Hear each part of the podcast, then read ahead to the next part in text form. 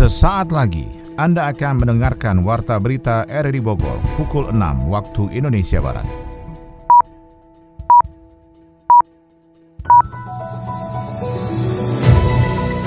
Selamat pagi, salam jumpa. Kami hadir kembali dalam Warta Berita edisi hari ini, Kamis 26 Mei 2022. Informasi ini juga turut disiarkan melalui audio streaming lewat RRI Play dan juga disiarkan lewat Radio Tegak Beriman Kabupaten Bogor, Jawa Barat dan Anda bisa akses di Spotify RRI Bogor.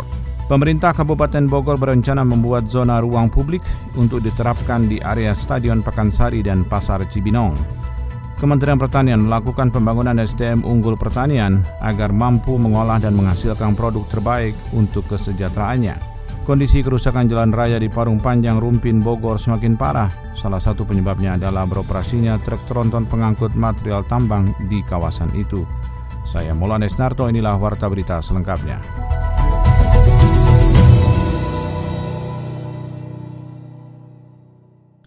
Pemerintah Kabupaten Bogor berencana membuat zona ruang publik untuk diterapkan di area Stadion Pakansari dan Pasar Cibinong.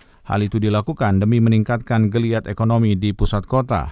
Sekda Kabupaten Bogor Burhanuddin mengatakan pengembangan kawasan Stadion Pakansari dan Pasar Cibinong akan memberi peluang bagi yang ingin berinvestasi maupun usaha, khususnya warga Bogor.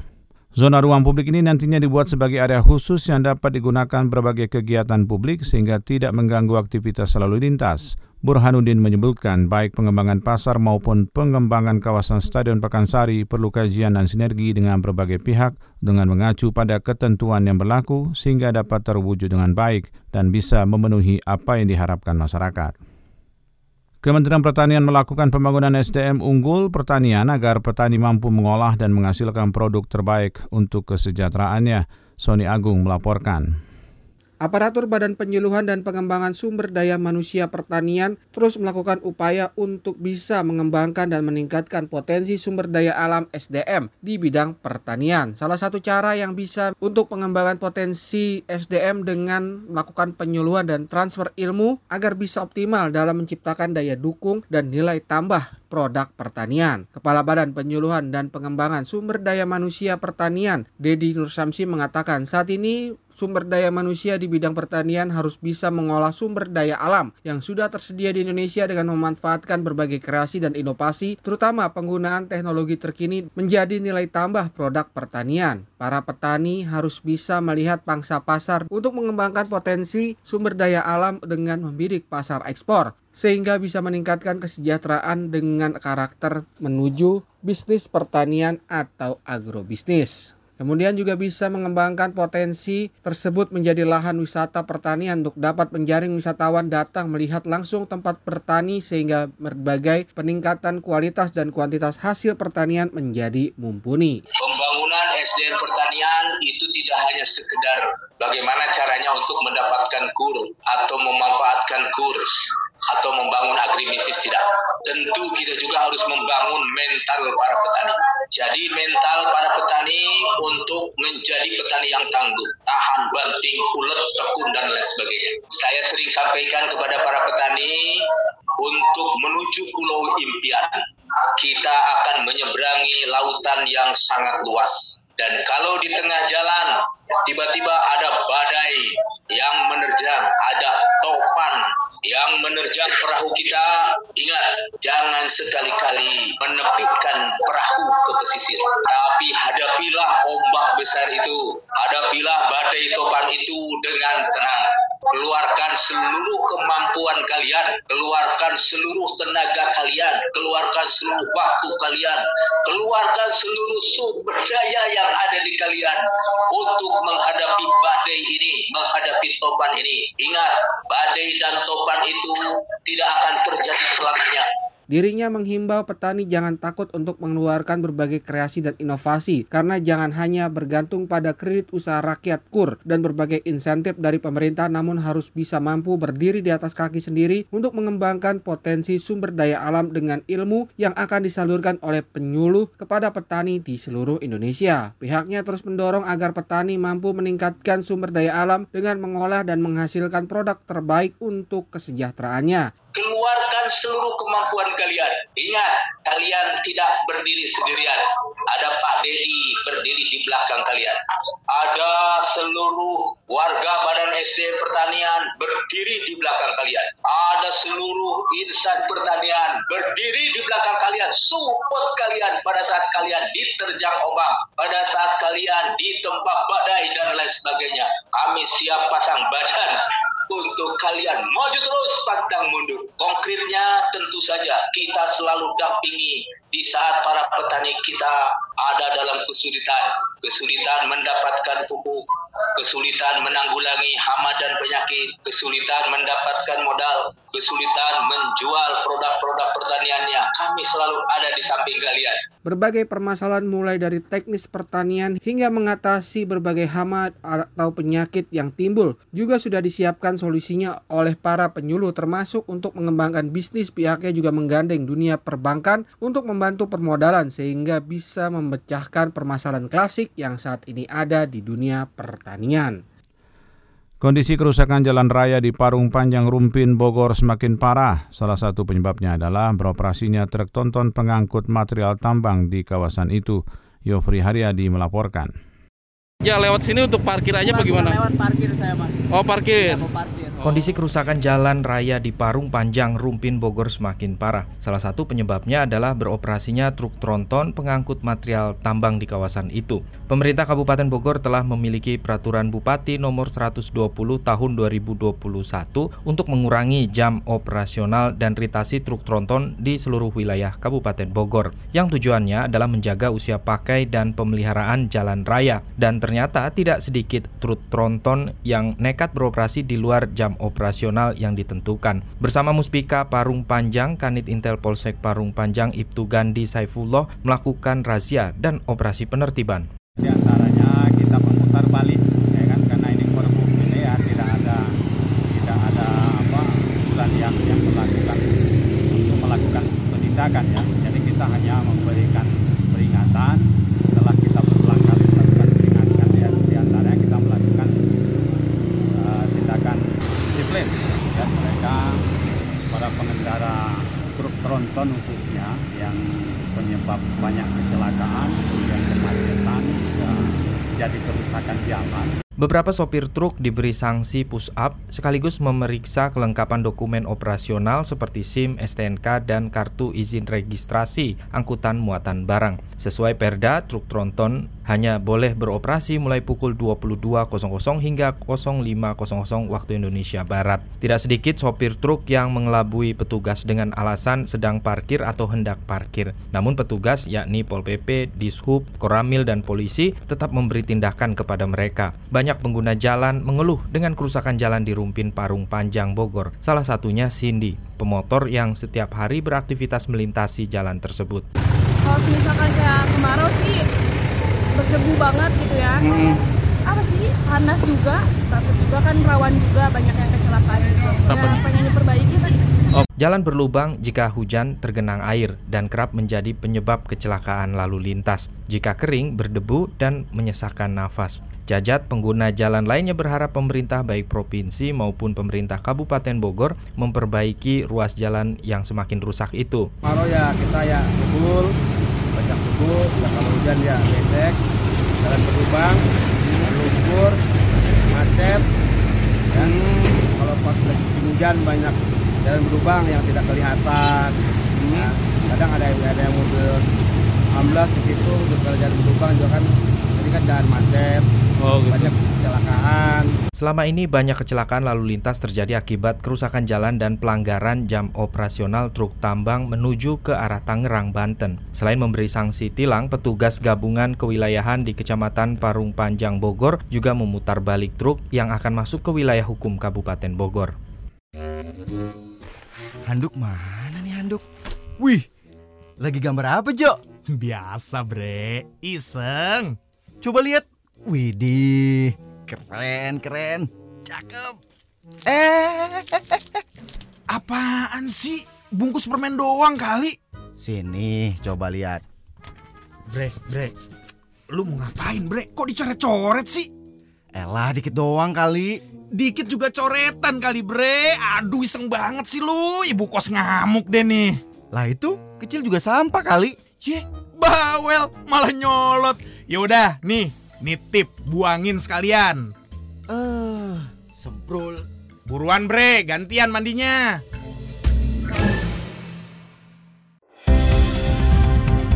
Anda tengah mendengarkan Warta Berita RRI Bogor. Direksi Perumda Jasa Transportasi melakukan terobosan bisnis dalam upaya penyehatan BUMD bidang jasa itu. Sony Agung melaporkan. Direksi dan Dewan Pengawas Perumda Jasa Transportasi Kota Bogor terus melakukan upaya penyehatan BUMD bidang transportasi massal tersebut. PLT Direktur Perumda Jasa Transportasi Rahmanisa Fadlia menjelaskan, dalam menyehatkan Perumda harus ada sejumlah terobosan untuk meningkatkan unit bisnis agar bisa berkembang dan maju. Menurut Nisa, pihaknya saat ini sedang melakukan upaya agar ada pemasukan dari iklan yang akan terpasang di sejumlah sel terbis pada jalur utama utama bis kita Transpakuan pada sistem satu arah lingkar Istana Kebun Raya Bogor. Shelter mana dulu nih? Kalau shelternya bis kita itu sebenarnya itu uh, punyanya BPTJ, tapi ada ya. beberapa shelter yang punya disub sebenarnya. Nah itu yang kita juga lagi ajukan ke disub untuk bisa kita yang kelola, PDJ yang kelola. Nanti dari beberapa uh, 20 sih yang kita sedang ajukan, tiga akan direvitalisasi, nanti akan dibikin ada LED di situ. Nah itu LED-nya yang akan kita pasangkan iklan sekitaran SSA link masih lingkar uh, istana tapi titik-titiknya di mana aja saya kurang okay. detail. Selain itu sambung Nisa Perumda Jasa Transportasi juga mengembangkan unit bisnis lainnya seperti derek, perbengkelan dan lainnya serta berbagai upaya menarik investor untuk menanamkan modalnya sehingga bisa mempercepat penyehatan Perumda tersebut. Secara konsep itu kan memang udah ketuang di Rendis ya. Saya sih ikut Rendis satu Rendis, kedua juga kan udah ada SK restrukturisasi. Itu sih jadi acuan saya banget. Di situ kan ada 10 bus pariwisata yang memang tapi kan kondisinya memang butuh perbaikan. Itu bisa kita perbaikan dulu. Jadi lagi cari mitra juga ini sekaligus perbaikan dan juga nanti untuk jadi bus angkutan kan gitu. Itu yang pertama. Tapi memang saya sebenarnya dari April itu udah mulai bersurat juga ke calon-calon mitra, cuma kan memang berproses semuanya. Terus yang pertama itu, yang kedua ada bengkel, bengkel kita juga dari April juga itu coba-coba cari mitra gitu kan. Ada beberapa bengkel yang kita coba compare. Nah, ini mungkin mengerucut ke satu bengkel. Nanti insya Allah mudah-mudahan kalau nanti ada persetujuan dari Pak Dewas dari KPM kan harus ada persetujuan juga. Nah nanti baru kita bisa PKS kan. Direksi menargetkan hingga lima bulan ke depan untuk melihat progres dari upaya penyehatan BUMD di bidang transportasi tersebut agar maksimal dalam melayani masyarakat sebagai pilihan transportasi massal untuk mempermudah aktivitas sehari-hari. Yayasan Dompet Duafa harus bertransformasi dalam segi layanan dan strategi jangka panjang dalam upaya menciptakan para muzaki baru di Indonesia, serta mengembangkan konsep entrepreneur dalam mengelola zakat infak dan wakaf dari umat untuk kesejahteraan masyarakat. Yofri Haryadi melaporkan. Lembaga filantropi terbesar di Indonesia, Yayasan Dompet Duafa harus bertransformasi dalam segi layanan dan strategi jangka panjang, menciptakan para muzaki baru di Indonesia, dan mengembangkan konsep filantropreneur dalam mengelola zakat, infak, dan wakaf dari umat untuk kesejahteraan masyarakat. Diungkapkan Ketua Dewan Pembina Yayasan Dompet Duafa, Parni Hadi, saat memberikan sambutan di zona Madinah Kemang, Kabupaten Bogor. Tradisi mengingatkan dan meminta maaf dan memberi maaf adalah tradisi yang baik. Di usianya ke-29 tahun, Dompet Duafa harus mau menerima masukan dan kritik untuk mengembangkan pelayanannya kepada masyarakat. Dede sudah berusia 29 tahun. Yang sudah kita capai bekerja keras cerdas dan ikhlas kita semua, nggak ada satu orang yang bisa berjasa. Semua memberi kontribusi masing-masing. Jadi Dede ini hasil kerja banyak orang, bukan satu orang termasuk saya. Nggak, karena Anda semua, kita semua. Jadi nggak bisa satu orang menganggap paling. Nggak, saya pun nggak boleh. Jadi saling memaafkan, mengingatkan, jangan hanya memaaf atau mengingatkan, eh Anda salah begini loh, jangan diulangi lagi. Tapi salah Anda itu faktual, fungsional. Ya Anda wajar dong diingatkan, ada sanksi, tapi mendidik bukan menghabisi enggak. Kita satu keluarga besar. Saat ini Yayasan Dompet Duafa terus mengembangkan pelayanannya di bidang kesehatan dengan mendirikan sejumlah rumah sehat, yang salah satunya di Kabupaten Bogor, kemudian Jombang, Jawa Timur, dan beberapa daerah lain di Indonesia yang sudah dirasakan manfaatnya, termasuk membuka ribuan hektar sawah untuk mendukung ketahanan pangan dan upaya pengentasan kemiskinan.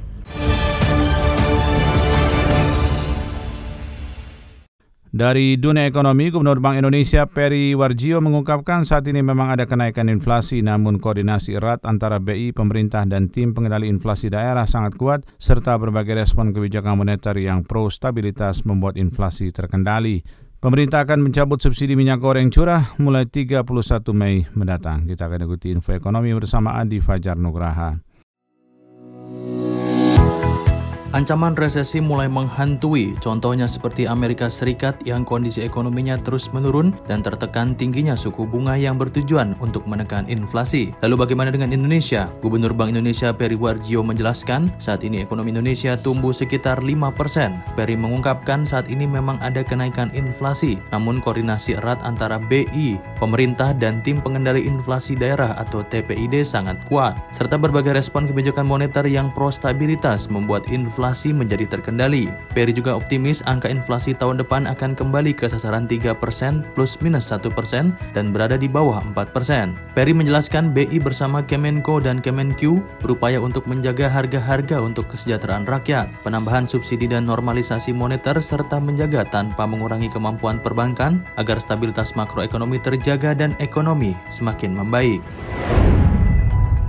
Direktur Jenderal Industri Agro Kementerian Perindustrian Putu Juli Ardika mengatakan pemerintah akan mencabut subsidi minyak goreng curah mulai 31 Mei mendatang. Keputusan itu akan diambil setelah dua aturan baru terkait tindak lanjut pembukaan ekspor minyak goreng dan bahan baku turunannya diterbitkan. Aturan pertama adalah Peraturan Menteri Perdagangan Nomor 30 Tahun 2022 tentang ketentuan ekspor crude palm oil atau CPO, refined RBD palm oil, and use cooking oil yang terbit pada 23 Mei 2022.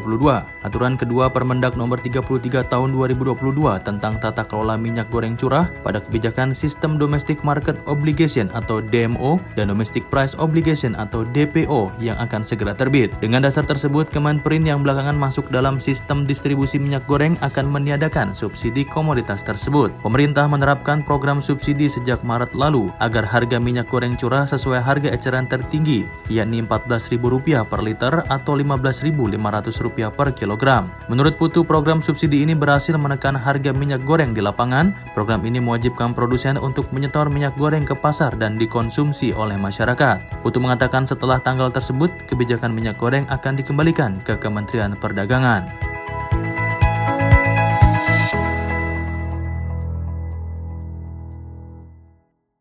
Dari dunia olahraga, Dispora Kabupaten Bogor berharap NPCI Kabupaten Bogor bisa mengulang prestasi juara umum seperti pada Peparda tahun 2018 di ajang Perpa Prof 2022. Peselancar Rio Waida mencetak sejarah sebagai atlet Indonesia pertama yang memenangkan kejuaraan selancar profesional pertama di Sydney Surf Pro. Kita akan ikuti laporannya bersama Ermelinda.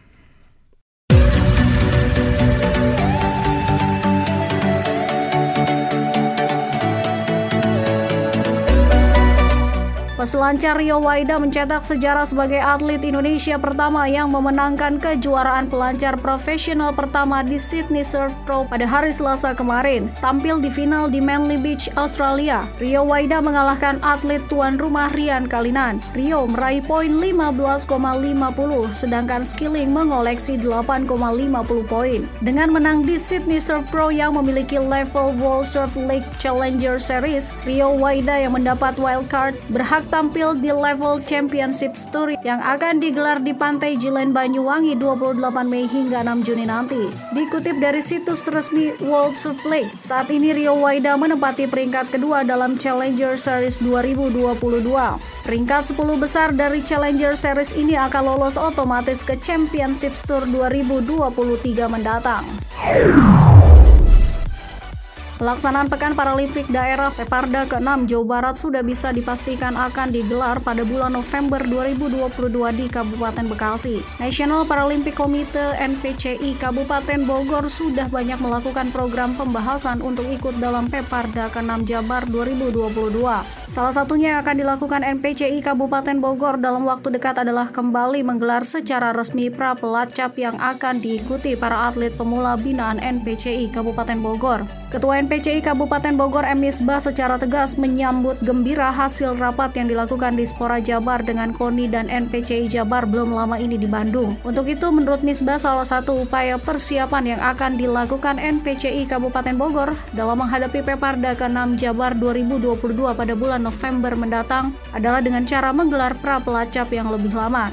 Lebaran uh, pra pelacap sudah mulai lagi dan itu nanti sampai bulan Juli. Setelah Juli ada proses seleksi lagi untuk tahap selanjutnya yaitu pelacap. Kebetulan yang pra pelacap ini baru tujuh cabang olahraga uh, atletik, renang, catur, menembak, angkat berat, panahan, dan tenis meja. Sampai saat ini baru 80% lah yang sudah menetap di MES. Prapelacap ini juga sebagai sarana bagi NPCI Kabupaten Bogor dalam menseleksi para atlet yang akan menjadi bagian kontingen Kabupaten Bogor menuju Peparda ke-6 Jabar 2022. Sebelumnya Sekdispora Kabupaten Bogor Trian Turangga bersama jajaran pengurus dan pembina NPCI Kabupaten Bogor melakukan audiensi yang dilakukan Sekdispora bersama pengurus NPCI Kabupaten Bogor bertujuan memaparkan semua program dan kesiapan NPCI Kabupaten Bogor dalam menghadapi Pepar Prof Jabar 2022. 2022. Selain itu, menurut TR kontingen Kabupaten Bogor untuk Peparda Jabar 2022 akan segera terbentuk dalam waktu dekat. Pertama adalah kesiapan kita siapkan rekrutmen atlet, kemudian kita sudah menyiapkan jadwal latihan, lalu kemudian nanti kita akan ada launching siapan uh, TC ya, plat plat cup. Termasuk tadi kita sampaikan juga tentang ke kebutuhan untuk penunjukan ketua kontingen. Dispora mengawal rangkaian persiapan yang dilakukan NPCI hingga pelaksanaan Pepar Prof 2022 digelar dan Dispora berharap NPCI bisa mengulang prestasi juara umum seperti Peparda tahun 2018 di ajang Pepar Prof 2022.